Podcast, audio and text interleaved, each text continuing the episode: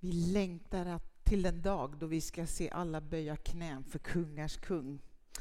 Det kan vi kliva in i och det kan vi frammana. Och det ska vi prata lite grann om idag. Vi har precis firat jul. Och nu börjar jag få en barnbarnskara som, som både blir äldre och fler. Och man förstår ju att en av de viktigaste sakerna, och de, jag är halvt engelsk, och på något sätt det här med att fira jul och julklappar, det finns ju någonting att vakna juldagsmorgon och slita upp paketen från början och sen få hela dagen att leka med julklapparna. Men i Sverige så har vi det här eländiga Kalle Anka som bryter sönder alltihopa och det hinner bli väldigt sent och folk är väldigt hungriga. Och innan man får julklappar så ska man packa ihop dem för det är läggdags. Eh, oh, eller hur? Jag vet inte om ni känner igen det. Är man barn och jag vet inte om ni minns det här också. Och vi har sett till och med på nyheterna nu den sista tiden, just det som Anton beskriver, att människor hamnar i en ekonomiskt svår situation. Och man hör föräldrar som säger att jag kan inte ge mina barn det de önskar sig. Och det kanske är klokt ibland, för jag tror inte att vi ska ge barn vad de önskar sig. Men det finns det andra diket också och det är när en 14-årig son önskar sig schampo och balsam. Så finns det en spännvidd om ni förstår vad jag menar. Barn och ungdomar pratar lätt om julklappar och det kan bli en slags tävlan. Ursäkta att jag gör så här, för det, mina örhängen smattrar mot mikrofonen och det blir inte så trevligt för er så fastnar man i att prata om gåvor, man pratar om, man jämför gärna gåvor med varandra. Vad fick du? Vad fick jag? Och vems, vems var bäst? Och inte min pappa är bäst, men min gåva var bäst. Och i vår familj så försöker vi ha en så sund, praktisk hållning till julklappar som är under ekonomiskt ansvar och som liksom taggar ner allt det här med julklappar. Och vi säger att det inte är julklappar det handlar om. Det är inte att, att få julklappar, det möjligtvis handlar om att ge julklappar. Känner ni igen det? Vi gör så här att vi lottar ut en person som varje ska få en present och sen så bestämmer vi en summa och så håller vi liksom nere och vi kan aldrig hålla det där riktigt, utan det blir alltid lite mer, och särskilt till barnen. Känner ni igen det? Så vad är då en sund hållning till det här med julgåvor? Hur ska vi tänka? Och det finns en hel del gåvogivande kring Jesu födelse, så vi kan väl börja där. Herdarna som finns ute på en åker, eller på ett fält, vad heter det, en, en eh, hed kanske, de ger en gåva av tid och prioritering. De bryter upp från allt vad de gör och så rusar de in för att de har sett en himlaskara som sjunger och förkunnar om nu har det hänt något. Och de är beredda att ge tid. De är beredda att eh, finnas vid det här unga paret i en väldigt märklig situation. Tre vise män från Österlandet, från en helt annan kultur. De kommer med gåvor, guld, rökelse och myrra. Guld. En del säger att men, det här var grundplåten för Jesu försörjning. Jag har ingen aning. Bibeln berättar inte så mycket. Men kanske är det grundplåten i alla fall så att Jesus och familjen kan fly till Egypten, vilket de är tvungna att göra. Och så har vi Maria, Jesu mor. Denna unga tonårstjej. När ängeln säger och säger du ska bli havande så säger hon ja. Med mitt liv så vill jag ge en gåva av att bära, att vara en kuvös åt frälsaren med sin livmoder.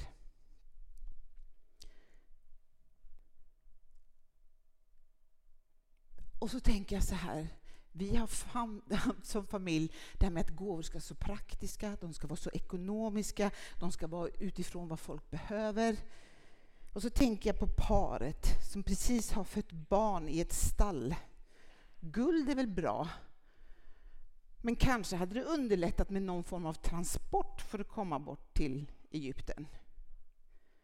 Häst och vagn eller något sånt. Det hade varit praktiskt. Det hade varit något de behövde. Jesus kanske behövde en badbalja att bada i när man har fötts i ett stall där inte allt luktar så gott. Och rökelsen kanske kommer in som en väldoft där som någonting som du behövde. Men så finns det ytterligare en gåva och det är gåvan vi ska titta närmare på idag. Och det är änglarnas gåva. En gåva av tillbedjan. Så här står det i Lukas 2. Och plötsligt var ängeln omgiven av en stor himmelsk här som prisade Gud och sjöng ära till Gud i höjden och frid på jorden till dem som hans välvilja vilar över. När änglarna hade farit tillbaka upp i himlen sa herdarna till varandra Kom, nu måste vi gå till Betlehem och se det som har hänt och som Herren har låtit oss veta. Änglarna, härskaran, uppfyller himlen och uppfyller nattens mörker med sång och med sång. Med tillbedjan. finns inte en praktisk pryl i, i sikte någonstans. De fyllde himlen med sång. De tillbad. Och de känner ju Jesus bättre än vad, deras, vad Jesu nyblivna föräldrar. De presenterar en gåva av kärlek. De bär liksom fram en kudde av pris och tillbedjan. Och de brast ut i en tillbedjan som fortsätter och som fortfarande fortgår hela tiden. I denna stund, ett upprepande, högljutt, aldrig upphörande lovprisning i Uppenbarelseboken så står det så här. Dag och natt säger de utan uppehåll. Helig, helig, helig är Herren Gud allsmäktig. Han som var och som är och som kommer. Helig, helig, helig. Helig, helig, helig. Om du tycker att vi sjunger enformiga lovsånger, så vänta bara till du kommer till himlen.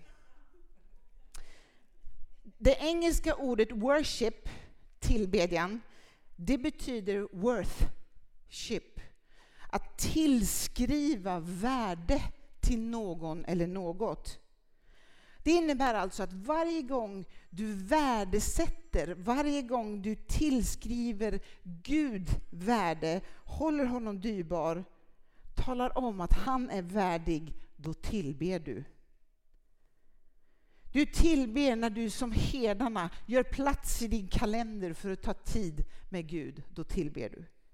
Du tillber när du sitter i bilen och väljer att liksom lyssna på lovsång, kanske hellre än alla eländiga nyheter som det räcker med att höra en gång om dagen. Behöver inte lyssna på det mer. Du tillber när du tar dig tid att memorera bibelverser när du är ute och joggar på morgonen.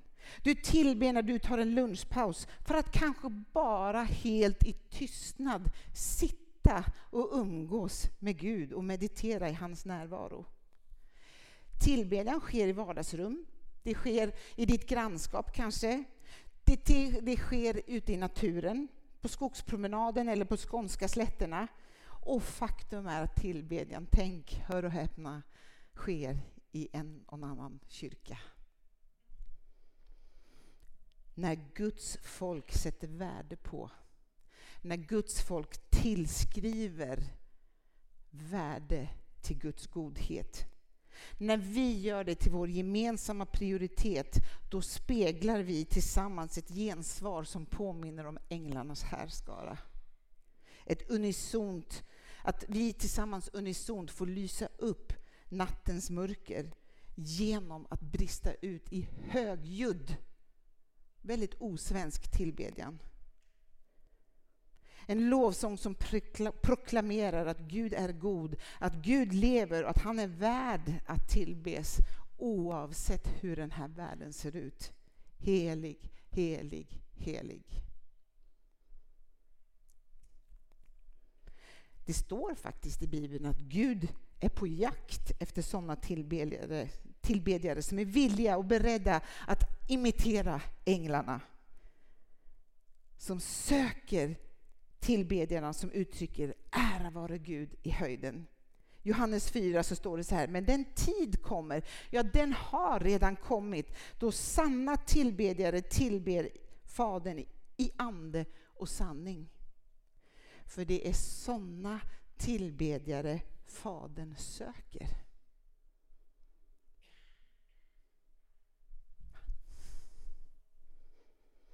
Gud är ande och de som tillber honom måste tillbe i ande och sanning. Och så kanske du sitter här och bara, jaha, men hur gör jag det då? Hur går det till? Jag vet inte om jag vet vad det innebär riktigt att tillbe i ande och i sanning. Men börja i sanningen då och låt anden förvandla dig. För det kommer han att göra. Att tillskriva Gud det värde som han är värd, det har ingenting med vad du känner för, hur du själv mår, hur mycket du kan eller vill tro. Sanningen är att Gud är värd att tillbes. Alltid, och det är nog. Och du kanske tänker att ja, men jag låter bli. Jag tillber inte. Det kanske kommer någon gång när Gud väcker det till liv. Och jag tror inte att det är så enkelt. Du kommer nämligen att tillbe. Du kommer att tillskriva någon eller något värde. Frågan är bara vem och frågan är bara vad. Vem tillskriver du värde? Till vem riktar du din tillbedjan? Eller till vad? Jag ska dela lite. Jag, för ett år sedan ungefär så köpte jag en motorcykel eh, min son kör motorcykel och det har blivit en grej som han och jag har tillsammans.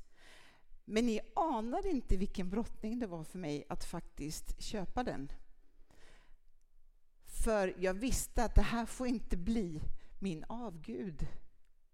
Det får inte bli så intressant för mig att jag lämnar annat åt sidan. Och Gud han är förnulig för att jag köpte den och det första han gör är att han leder mig in till en motorcykelklubb där jag liksom får komma in och möter människor som inte alls vet vem Jesus är. Och jag får berätta att jag arbetar i en kyrka och så plötsligt förstår jag att jaha, jag kan använda den här för att ära dig. Så att förstå, förstå mig rätt, det, det, liksom, det, handlar om bara, det handlar inte om att motorcyklar är fel eller vad det är som är din motorcykel i ditt liv. Eh, utan det bara handlar om vem jag tillber. Vi tillskriver värde till det som bär, till det som när, till det som befriar och som underhåller. Vad är din motorcykel? Kanske är det så att din karriär och ditt jobb är det som bär dig, när dig, upplyfter dig och befriar dig. Kanske är det så att du tänker att bara jag träffar den rätte i mitt liv så är det en person som när mig, bär mig, uppfyller mig, befriar mig och roar mig. Jag kommer på mig själv att längta efter pensionen.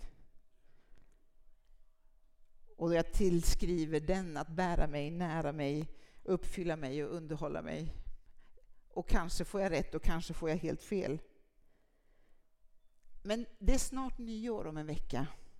Så jag bara utmanar oss alla att fundera på vad i vårt liv vill vi förändra inför en nystart. Och för någon så är det de här gamla vanliga klassikerna att komma i form och kanske byta jobb, karriär, få ordning på den där ekonomin, vara tillsammans med mina barn ännu mer. Och tillbedjan är kanske inte alls det ord som du skulle komma på för att sätta ord på det som du är passionerad över i ditt personliga liv. Men egentligen så passar det när vi helst sätter vår tillit till en sak, person eller aktivitet för att det ska ge oss kraft och levnadsmod. Då tillber vi något annat än Jesus när goda saker blir ultimata saker, då finns det en risk att bli besviken. Om min ekonomi hamnar i kris så säljer jag min motorcykel imorgon. Den är inte viktigare än så för mig. Eh, Mitt jobb däremot, det blir svårare.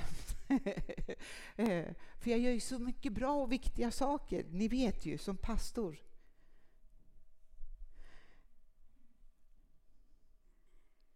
Det finns en rad bedrägliga avgudar som gör allt för att fånga vår uppmärksamhet och vår kraft, vår tillbedjan.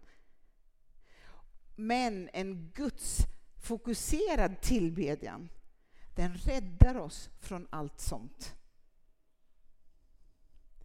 Den räddar oss från alla avgudar som eh, aldrig håller sina löften om allt det där som vår själ hungrar och längtar efter. Som ett vårregn som blötlägger djupt och som till slut når och kommer med nytt liv. Så jag skulle bara vilja uppmuntra dig. Är du stressad? Tillbe Gud. Han som håller hela universum i sin hand. Tror du inte han kan hantera dina bekymmer? Om du bär sorg, stå i Guds närvaro. Tillbe han som kallas din herde, som har lovat att gå med dig genom dödsskuggans dal. Och i vår gemenskap så kan jag sätta namn på ett par sådana personer som skulle kunna bli ditt stöd, som har genomlevt det. Du som känner dig ensam, övergiven, marginaliserad, obetydlig. Ta tid inför Guds ansikte, i hans tronrum inför Jesus som proklamerade inför hela universum att han hellre dör för dig än att leva utan dig. Han friköpte ju dig med den dyrbaraste råvaran i historien, nämligen Jesu Kristi blod. Låt tillbedjan bli det sätt som du hanterar din oro, dina bekymmer, kanske till och med din ångest på. Och kanske är det alldeles särskilt viktigt nu i dessa tider när vi ser hur oro och ångest bara ökar och ökar och särskilt i den unga generationen. Jag skulle vilja vädja till oss som församling att ta det här på allvar, att inför nästa år gå till, söka, sträva efter den här anden av tillbedjan. För visst har vi en jordmån som behöver vårregn på många sätt. Paulus han beskriver det så här, och han är, ju, han är ganska krass den här Paulus. Han säger i, eh, eh, har jag inte skrivit upp vad det är någonstans i Korinthierbrevet, dricker inte fulla på alkohol för det leder till utsvävningar. Det, man, man fattar tokiga beslut om man är under inflytande av alkohol eller annat. Låt er istället uppfyllas av Ande. Tala till varandra genom salmer och hymner och andliga sånger som ni helhjärtat sjunger och spelar för Herren. Här är mycket, man skulle kunna hålla en predikan bara om den versen. Tala till varandra med salmer och hymner, citera dem, recitera dem nyskrivna, gamla salmer från Bibeln, salmer som kanske är helt nyskrivna. Som ni helhjärtat sjunger, inte sådär lite oengagerat, utan helhjärtat. Tacka alltid vår Gud och Fader för allting i vår Herre Jesu Kristi namn. Lärjungarna visar exempel på det här. För visst är vi, och vi ska vara helt ärliga, det är lätt att upptas och fångas av oro och hantera sorg på massa andra sätt. Det behöver inte vara alkohol, men det finns andra saker som vi kan vända oss till när vi är oro. Och vi kan gå och till motion, vi kan gå till träning, vi kan gå till många saker, eller bara gå på happy hour. Och när vi sen kommer ut ur happy hour så inser vi att det var inte så very happy, utan det var bara en hour.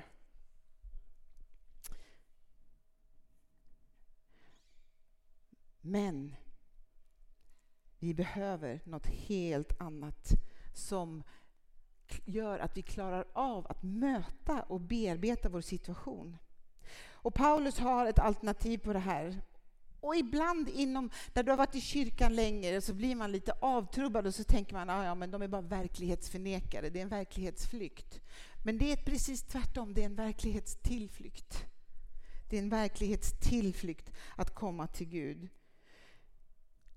Fyll atmosfären. Fyll nattens mörker med sånger och salmer och hymner. Låt er ständigt uppfyllas av helig Ande. Ett ständigt pågående, hela tiden, ett aldrig upphörande. Tänk om den helige Ande är den som kan spola bort oron och ångesten i våra liv. Tänk om helig Ande skingrar nattens mörker som omger oss. Apostlagärningarna 16 är ett sådant exempel. Paulus och Silas de sitter i fängelse. De har släpats inför romerska domare i Filippi som är en romersk utpost. Där ser makthavarna och domarna till att de blev svårt slagna, piskade med spön och så kastas de i fängelse. Och faktum är att de, här, de anar att det är något speciellt med de här killarna, så de sätter dem inte bara i vilken fängelsecell som helst, utan de placerar dem i den innersta fängelsehålan och låste fast deras fötter i en trästock. Och där satt de. Och där tänker att de satt hela eftermiddagen. Och hur ser man ut om man har blivit svårt piskad? Kanske börjar ryggarna bli infekterade rent av. De har säkert väldigt, väldigt ont. Och smärtan ökar säkert för varje timme. För i början är man ju nästan lite bedövad, tänker jag. Och sen tilltar, man inser hur ont man har. Och så blir det mörkt, det blir kväll, det blir natt. Och då blir det kallt och det blir fuktigt. Och jag anar att de kanske frossar både av kyla men också av smärta. En helt omänsklig, grym situation. Och så blir det midnatt. Och vad gör de?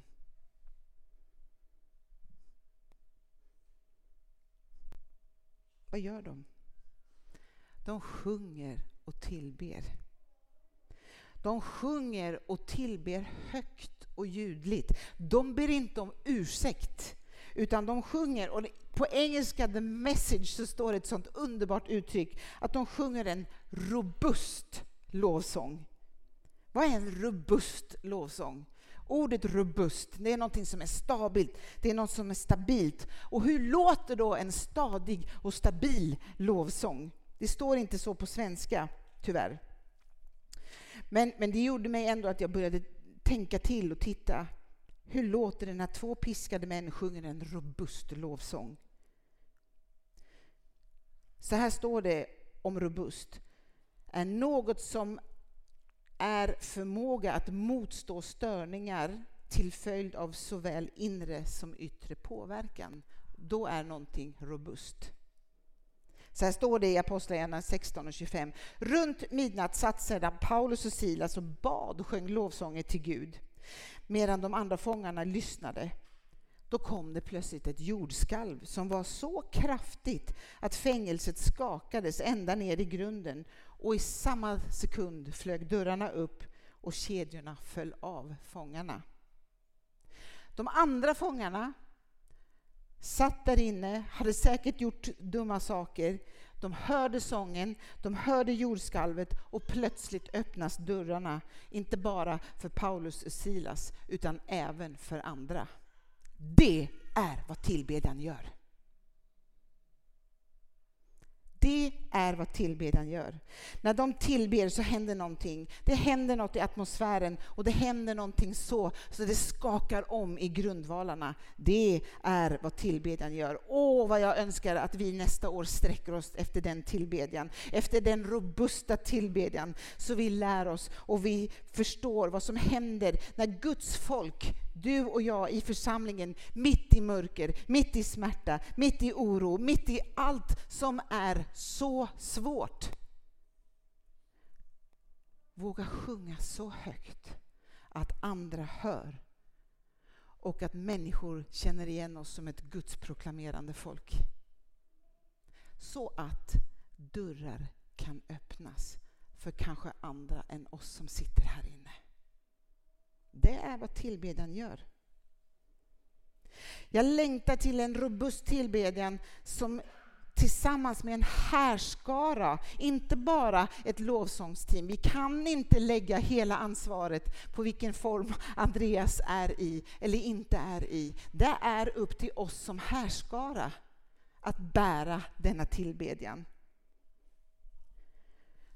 När vi kliver in i den tillbedjan så står det också i Hebreerbrevet att då flyr vår fiende. Satan flyr. Han står inte ut med tillbedjan. Det här är den bästa insatsen vi kan göra för våra hem, vår stad, vårt land. Det är att tillbe. En robust tillbedjan för vårt land. Och istället för att gripas av panik, brita, äh, gripas av oro, då brast Paulus och Silas ut i lovsång när mörkret var som tätast. Hör ni uppmaningen? Tänk dig hur det här praxis skulle kunna se ut för dig. Klockan är halv elva på kvällen, du ska sova men du kan inte. Du har ett avgörande prov kanske i skolan eller en redovisning på jobbet. Och dina tankar går runt i cirklar och du tänker att du kommer glömma siffror och du kommer få fel på chefens namn och du snurrar till alltihopa. Och du vet nu att du behöver sova för att du är så stressad över att du fungerar bäst när du är utvilad, så vad gör du? Ja, ditt gamla jag hade fortsatt vända och vrida på dig i sängen. Men ditt nya jag vet och har lärt sig att det finns ett annat sätt. Om jag kliver upp och om jag tillber en stund, då är Guds frid tillgänglig. Lovsång kan hantera en oro.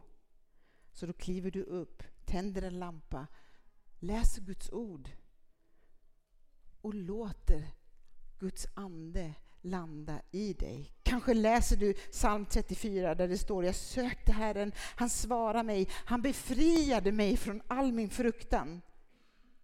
Denna arme man ropade till Herren och han hörde honom och han räddade honom ur all hans nöd. Herrens ängel håller vakt, härskaran brister ut, kring dem som fruktar honom och befriar dem. Oj, oj, oj, sug på den här versen. Se, ser ni bilden framför er, vad Gud kan och vill göra för oss? När vi frimodigt tillber Gud i våra hem. Det finns tre ganska praktiska som jag vill skicka med på slutet här. Och det är att tillbe, våga tillbe verbalt. Tala ut din tillbedjan i ord. Sätt ord på dem, för ord är makt, brukar vi säga i det naturliga. Det som är naturligt sker också i det andliga. Tala ut. Hittar du inte orden, välj en lovsång. Sjung ut och var tydlig. Jag tänker på dig är ingen bra bön. Säg vad du menar. Jag ber för dig, jag tillber dig, jag lovar dig, jag ärar dig. Gud söker sådana tillbedjare som tillber i ande och sanning. Tala till varandra är vi uppmanade till med hymner och sånger. Tala sker inte tyst. Tala sker inte i tanken. Tala ut. Det finns en proklamation i det, en förkunnande som jag tror att vi behöver lära oss. Tänk om vi kan bli en kyrka, ett Guds folk som tillber med den sortens tillbedjan. I den tillbedjan så tror jag det finns många uttryckssätt. Att få sträcka händerna. Läs i Bibeln hur många gånger det står jag lyfter mina händer eller en uppmaning till att lyfta händerna. Läs hur många gånger i Bibeln det står om att dansa. Läs hur många gånger i Bibeln det står om att falla ner på knä eller till och med falla ner på ditt ansikte.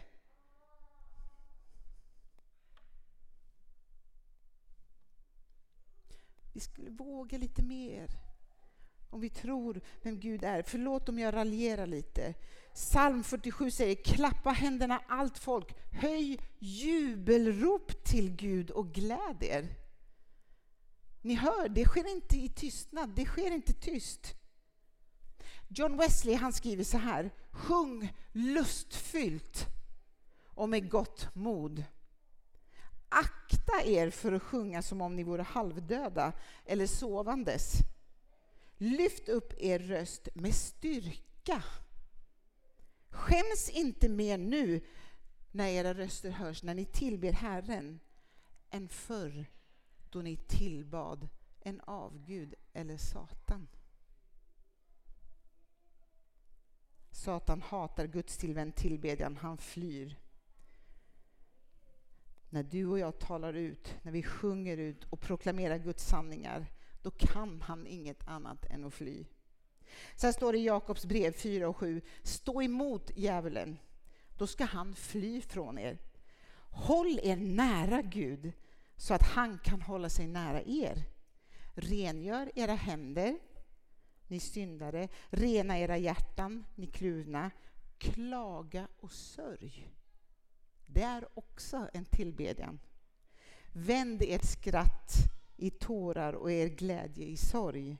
Ödmjuka er inför Herren så ska han upphöja er.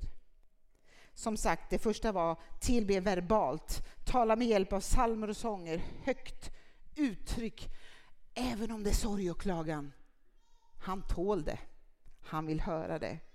Det andra är tillbe tillsammans. En härskara som tillbad bad, läste vi om i början. Varje generation har en liten del av ja till Jesus men nej tack till det här med kyrka. Av många olika anledningar och många goda anledningar. Man är besviken, man, bär, man har sorg, någon har gjort illa eller man bara har, tror sig inte ha tid. Det spelar ingen roll. Men man går miste. Det finns något av att tillbe tillsammans i det kollektiva tillbedjan. Det händer något mirakulöst då som inte är möjlig i den enskilda tillbedjan. För att vi behöver se varandra möta Jesus. Mikael Hallenius från eh, Örebro, han sa det här, våra barn behöver se sina föräldrar möta Jesus. Vi behöver se varandra möta Jesus. Det ger mig hopp och det ger mig tro när jag ser några av er möta Jesus, när jag kanske inte gör det, för vi befinner oss i olika årstider. Vi behöver se varandra. Och jag kan inte nå, till alla som är föräldrar, dina barn behöver se dig möta Jesus. Simon i templet, jag älskar honom, när han lyfter upp barnet och bekräftar jag har sett frälsningen med egna ögon. Nu kan jag dö. Det tredje, tillbe demonstrativt. Och nu menar inte jag det på ett upproriskt sätt, utan att bevisa, visa. Ni vet när man demonstrerar någonting för någon annan. Uttryck vad du känner. Låt ditt hjärta väckas till liv, kanske ibland genom din kropp, genom en dans, eller att du uttrycker det genom att sträcka på händerna, gå ner på knä. Psalm 142 säger, jag ropar med hög röst. Och på engelska står det, jag lyfter mina händer och ber om nåd. Jag utgjuter min klagan och jag berättar min nöd för honom. När jag är färdig att ge upp, då vet du hur jag har det. Men så länge jag lever vill jag prisa dig, vill jag ära dig med lyfta händer. Och det är inte alltid tillbedjan sker jättelämpligt. Vi ska alldeles strax runda av här. Det kan bli för mycket produktion, det kan bli för mycket uppvisning. Och jag tycker inte att det är så här i Manuel faktiskt. Men eh, det finns platser kanske där det är så. Men låt aldrig en olämplig tillbedjan kväva din tillbedjan. För det är inte lösningen. Det är inte lösningen. Det gör den inte mer lämplig. Vi beräknar ofta priset på saker som Gud kallar oss att gå in i. Men vi är lite slarviga med att beräkna priset på att ställa oss utanför det Gud kallar oss in i. Låt tillbedjan bli den plats där du fäster dina ögon på Jesus hellre än lovsångsledaren. Eller på ljudnivån, eller på tekniken. Låt honom uppsluka din uppmärksamhet, ditt fokus, din gåva och till och med ditt offer. Det är nämligen som sången säger, fäst dina ögon på Jesus. Se in i verkligheten själv. alla ting runt omkring smälter bort som snö i ljuset av hans ära och glans. Tillbedjan är att fästa ögonen på honom. Att ge honom äran, en robust tillbedjan. Där vi också ger varandra utrymme att få lov att uttrycka det på olika sätt, fast samtidigt. Där den ena gråter och klagar och den andra lovprisar i glädje. Vi klarar det. Vi klarar det. Du kan få komma fram. Så vem eller vad tillskriver du värde? Fundera på det de här dagarna som är kvar på det här året. Bibeln beskriver att du och jag är skapade för att tillbe. Så låt oss komma överens om att vara noga med vem vi tillber. Och jag är medveten också om att tillbedjan har många uttrycksformer både i och utanför gudstjänstlokalen. Men jag har medvetet fokuserat på den gemensamma kollektiva tillbedjan. För jag tror att det är någonting vi har mer att upptäcka i den närmsta tiden som ligger framför oss. Så när du frågar någon när du går ut härifrån, hur har julen varit? Du behöver inte fråga vad de fick i julklapp. Du behöver inte ens berätta vad du har givit i julklapp. Fråga istället, vad tror du Jesus vill ha till jul? Vad vill han ha av dig? Låt oss tänka förbi praktiska gåvor. Gåvor som kanske någon, kanske till och med i din närhet behöver. Låt oss tänka och anta en hållning inför 2023 att spegla en himmelsk skara som brister ut i helig, helig, helig. Inte för att vi alltid känner för det, utan för att vi väljer att tillskriva honom det värdet. Amen.